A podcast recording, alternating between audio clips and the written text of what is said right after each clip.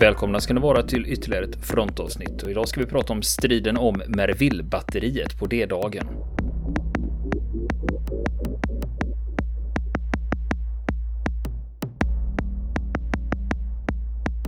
Och nu fortsätter vi höra historien om striderna vid Merville-batteriet. Och eh, en överste som dök upp hos Steiners kolonn gav order till honom då att han skulle ta sina artilleripjäser och gruppera sig utanför Ypres, Ypres och eh, beskjuta de första eh, fientliga stridsvagnarna som dök upp.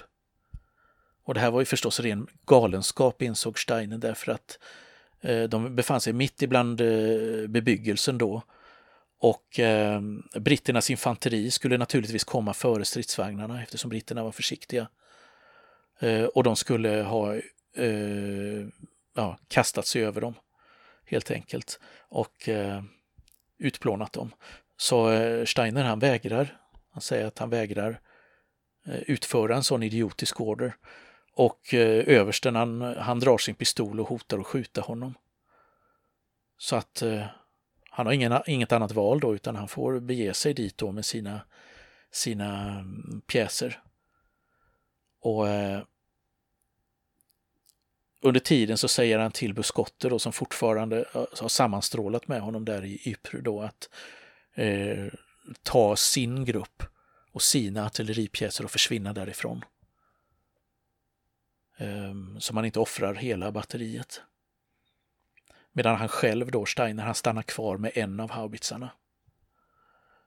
Och som han berättade då senare att det här minns jag precis. Vi grupperade pjäsen i ett gar garage med en eh, skjutdörr. Vi stängde dörren och sedan väntade vi. Och när vi hörde stridsvagnar anlända utanför så avfyrade vi sex granater på kort håll och vi hann iväg därifrån innan de kunde börja beskjuta oss med kulsprutor.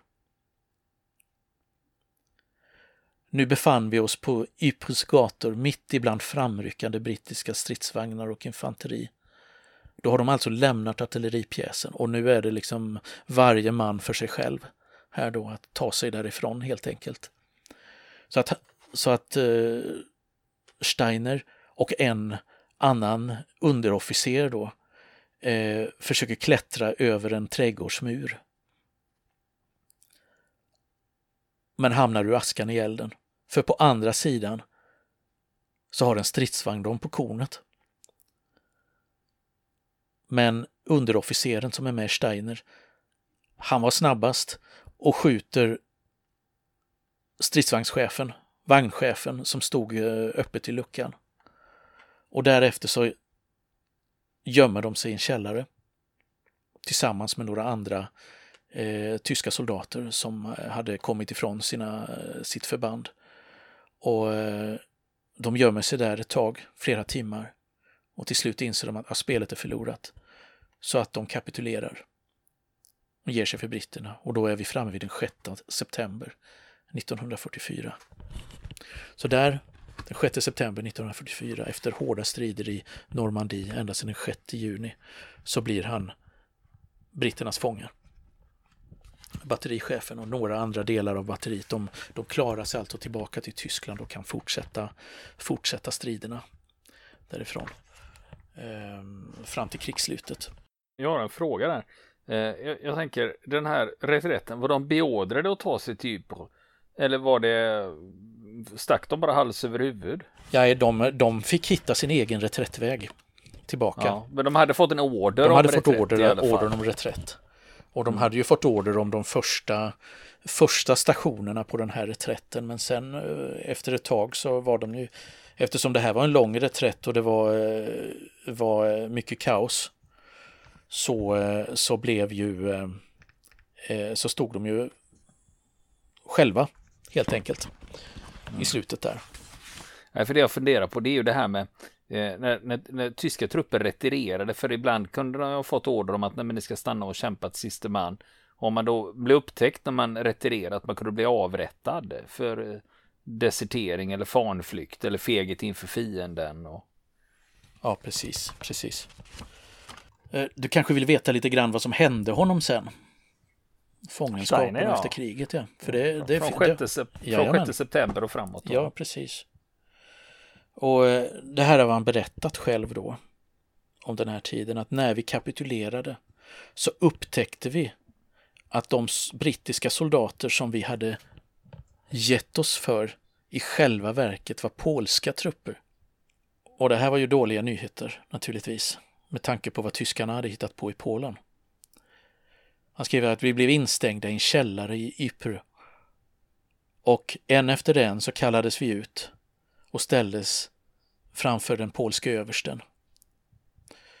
Och jag fruktade det värsta när han sa Ja, jag vet, jag vet allt om er. Men sen sa han ja, Jag har fått veta att ni har, eh, har eh, stridit med handskarna av, att ni, era händer är rena. Sa han. Och det här var mycket emotionellt ögonblick i mitt liv. Och översten sa också att han inte kunde garantera vår säkerhet därför att vi sedan skulle placeras under kanadensiska truppers kontroll. Och kanadensarna hotade med att skjuta dem därför att tyska SS-trupper då eh, under striderna i Normandie hade mördat kanadensiska fångar. Och de eh, fick oss att kavla upp ärmarna för att se vem som hade SS-tatuering. Eh, ja, för ja, de hade det här blodgruppstatueringen. Precis, precis. Eh, och han sa att det, fin det fanns några SS-fångar som var med dem då och eh, som försökte gömma sina tatueringar. Men i slutändan så blev ingen av dem skjuten. Men det är klart, de var väl livrädda för det, vad som skulle, att hämnden skulle komma. Under den här tiden i källaren så, eh, så kunde de inte se gatan utanför annat än via ett eh, litet, litet eh, källarfönster med galler för. Och de kunde se hur belgiska, belgiska befolkningen då i stan då släpade eh, kollaboratörer genom stan då. Och det kom kvinnor med rakade huvuden och så vidare. Och det var en otäck syn att se när man gjorde upp räkningen med de som hade samarbetat med, med tyskarna. Och sen så förflyttas han till Dieppe. Den här berömda lilla, lilla kuststaden. Där han eh, placerades på en liten brittisk kanonbåt som eh, eh, förde över dem över kanalen till New Haven. Ehm, och det här, den här kanonbåten noterade han hade splitterskador och vid de här splitterskadorna så var det skrivet Ouistram 1944. Och han misstänkte ja, var, då att det var hans ja, eget var ju, batteri. Ju, ja just det, för det var ju precis nedanför hans batteri där. Exakt. Ja. Som, hade, som hade åstadkommit detta då. Och sen när de var över i England då så, eh, så eh, eh, placerades de i eh, baracker, eh, tyska officersbaracker då, Eh, och förbjöds ha kontakt eh, med någon utanför. De fick inte prata med vakterna eller några andra. Eh, och I synnerhet inte civila. Sådana fraterniseringsförbud som man säger då. Men, eh, men de vanliga meniga soldaterna de blev, fick, eh, hade tillåtelse att eh, lämna lägret för att arbeta på dagarna. Men det, officerarna fick alltså inte göra det och Steiner följaktligen inte heller då. Eh, så att eh, han sa att det var ungefär det som han fick se av England, det här. Eh, det här lilla, liksom utsikten från barackerna. Eh, men en dag då så behövde han, han, han hade ont i tänderna och behövde komma till en tandläkare. Och eh, han fick veta att eh, han skulle föras till London för den här behandlingen då. Så jag tänkte wow, nu kommer jag väl kanske få se lite mer då och se fiendens huvudstad då, det kan ju vara intressant då, men då, då satte de honom då eh, bak i en sån här fångbil som inte hade några fönster. Nej, det blev ingen sightseeing? Nej, det blev ingen sightseeing då, så att eh, det fanns bara ett litet, litet ventilationshål. Och han sa att det, det enda jag har sett av London i mitt liv, han berättade detta på 80-talet då, det enda jag sett av London i mitt liv, det var genom detta lilla ventilationshål. Och eh, en dag så anlände ett ganska ovanligt brev till fånglägret. Och det var ett tyskt officiellt brev från tyska krigsmakten. För under den här reträtten så hade hans divisionschef, general Reichert, han hade rekommenderat att han skulle befordras från eh, löjtnant, alltså löjtnant till oberleutnant. Det är ju en, eh, det är en grad mellan löjtnant och kapten då som vi inte riktigt har då i, i någon svensk motsvarighet till. Och eh, för batteriet hade under reträtten då samlat ihop hundratals eh, soldat, vilsekomna soldater som hade kommit från sina sitt, sina förband och han hade liksom tagit ansvaret för att ja, leda dem under reträtten då, Steiner. Och eh, det fanns, vad han själv påstod på den här tiden då, så fanns det i hans släkt personer då, han hade släktingar som var, hade ådragit sig de nazistiska myndigheternas ögon därför att de var, eh, hade antinazistiska åsikter och, och känslor. Och det gjorde att det var eh, det där med befordringar eh, var svårt för en person som hade sådana personer i släkten då. Ehm, och i familjen. Och eh, hans befordring från löjtnant till kapten eller de hade, de hade blockerats tidigare under kriget. Men nu när eh, han befann sig i det här läget så hade för plötsligt befordran gått igenom och han misstänkte att det berodde på att de där hemma hade fått veta att han var saknad i strid, förmodligen stupad. Och då var det ofarligt att befordra honom. Kunde man göra det som en fin gest. Helt enkelt utan att det kostade någonting. Det var i alla fall hans egen teori om det här. Så att eh, det var en postum, eh, postum befordran helt enkelt. Var det. Och eh, efter kriget då, så han släpptes han ur fångenskapen då efter ett tag då. Han återvände till Österrike. Gifte sig på 50-talet och fick två söner. Och eh, jobbade som ingenjör. Och eh, som många veteraner då från de olika sidorna som hade deltagit i striderna i Normandie så reste han flera gånger tillbaka till, till eh, stridsområdet och till Mervillebatteriet för att eh, eh, ja, besöka platsen där han hade varit med om de här dramatiska, eh, dramatiska månaderna. Och han var med i flera ceremonier då och träffade även brittiska veteraner som hade tillhört Ottoways eh, bataljon. Och det som hade varit på andra sidan under de här striderna alltså då. Och eh, eh, i samband med det här, ska sägas, en av de här eh, resorna så träffar han då en brittisk, en brittisk herre som heter Michael Strong. Och tack vare Michael Strong så finns det en bok om striderna vid Mervillebatteriet som man eh, fortfarande kan köpa på nätet. Eh, som heter Steiners War. Och eh, som innehåller vittnesmålet från eh, Steiner själv och eh, från soldater och officerare på båda sidor eh, under den här under striden om Ervillbatteriet. En mycket spännande liten bok, ganska lättläst eller ganska kortfattad, den är ett hundratal sidor. Väl värd sina pengar, skulle jag säga. Eh, så det kan jag rekommendera för den som vill eh, läsa lite mer om batteriets uppbyggnad, eh, försvarets organisation och olika, olika vittnesmål från striderna. Där så är det faktiskt guld och få, eh, få den här historien som är lite mer, kan man säga, en lite, lite mer okänd sida av eh, striderna i Normandie. Mm. Men, men, eh, det här var 80-tal då va? Mm. Vad hände, vad hände sen? Ja, vad hände sen? Ja, vad hände sen med Merville-batteriet? Det kan man ju fråga sig. Eh, jag har varit där på besökt det flera gånger. Eh, det är ju ett eh, friluftsmuseum idag kan man säga. Mm. En fråga där, mm. apropå det här, för den här boken du pratar om, det är klart när Steiner beskriver det här, det är klart att man blir jättenyfiken på hur det är där. Jajamän. Så det måste ju nästan vara liksom läsa boken och sen åka dit. Ja, precis. Alltså första gången jag själv läste om Melvillebatteriet så var det Cornelius Ryans klassiska bok om Den längsta dagen.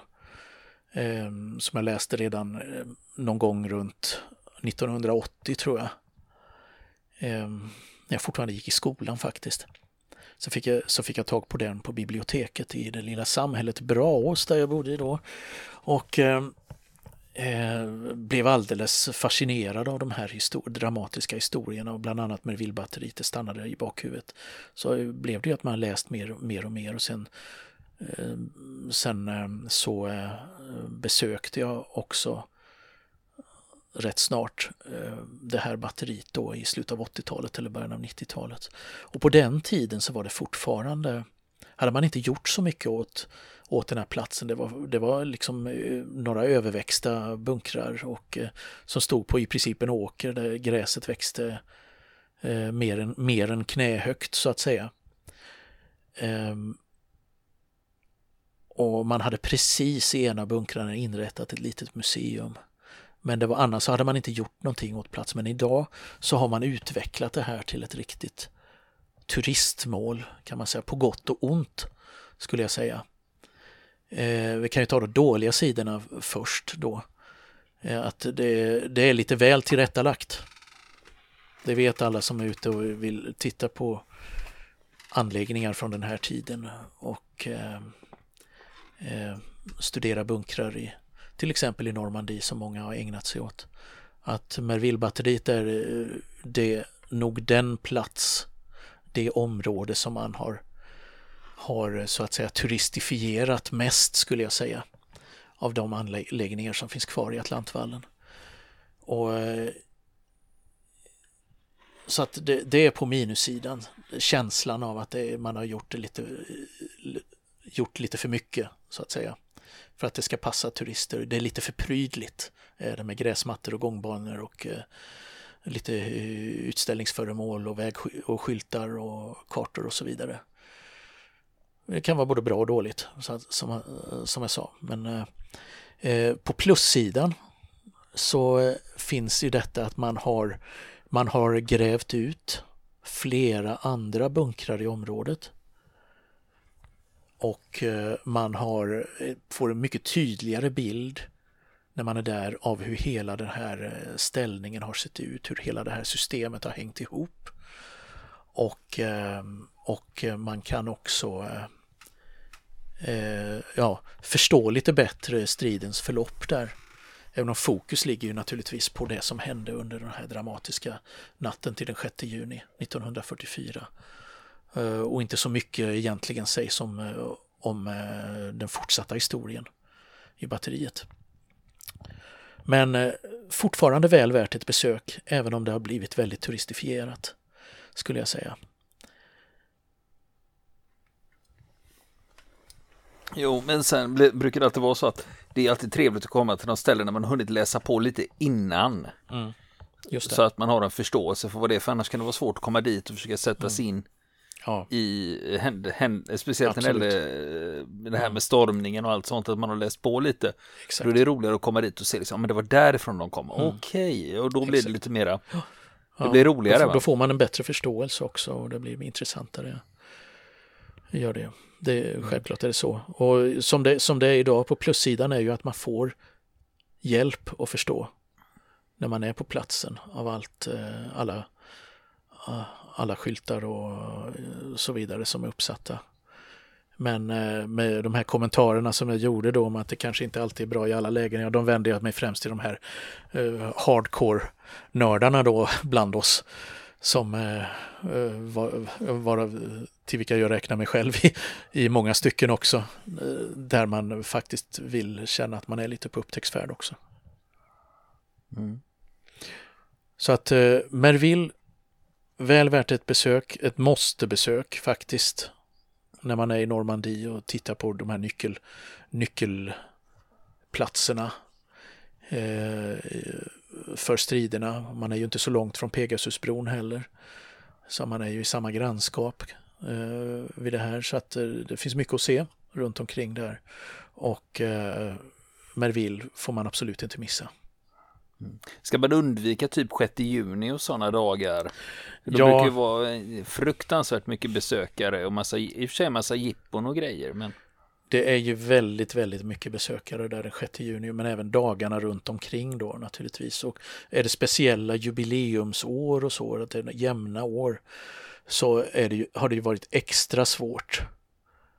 För att då det, har det ju varit mycket statschefer från Europa där också. Då har man spärrat av stränder på många ställen så att, eh, av säkerhetsskäl och så där för att de ska kunna få hålla sina ceremonier i fred. Men ja, både ja och nej, det kan ju vara, det kan ju vara eh, det, det är aldrig roligt när det är för mycket folk. Och, men å andra sidan så är det ju också ett, kan man säga, ett skådespel. Därför att många letar sig dit med sina renoverade militärfordon, främst amerikanska och brittiska som användes i arméerna där och det dyker upp människor som gillar att spöka ut sig i den dåtida uniformer. Brittiska och amerikanska uniformer. Jag tror inte de tyska är sådär jättevälkomna. Det kan nog bli lite mm, spänt. Men, eh, men eh, gillar man sånt så ska man hålla sig där i juni 44.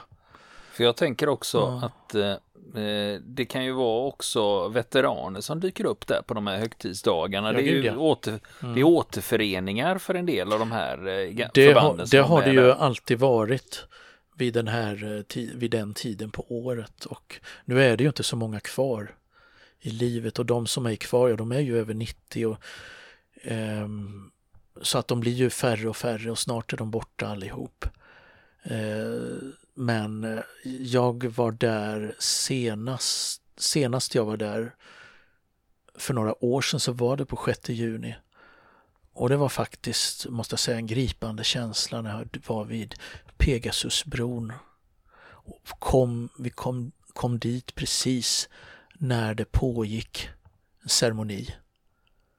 Och där var mer än ett dussin av de gamla fallskärmsjägarna som deltog i eh, stormningen av Pegasusbron och som satt i sina, med sina veteranmössor eh, och eh, medaljer, sina, sina röda baskrar. Och det var, det, var, det var faktiskt väldigt gripande. Och få vara med där och även då få byta, byta några ord med några av de här anspråkslösa, idag väldigt gamla veteranerna som, eh, som eh, faktiskt var de som var med och skrev historia på den här platsen. Det var, ja, jag får gåshud fortfarande när jag, när jag, när jag sitter här och pratar om det. Måste jag säga. Vill ni komma i kontakt med oss så kan ni göra det via vår Facebook-sida som heter Fronten. Det är inga problem för er att leta er fram där. Eller också så mejlar ni på vår mejladress och det är frontenpodcastgmail.com.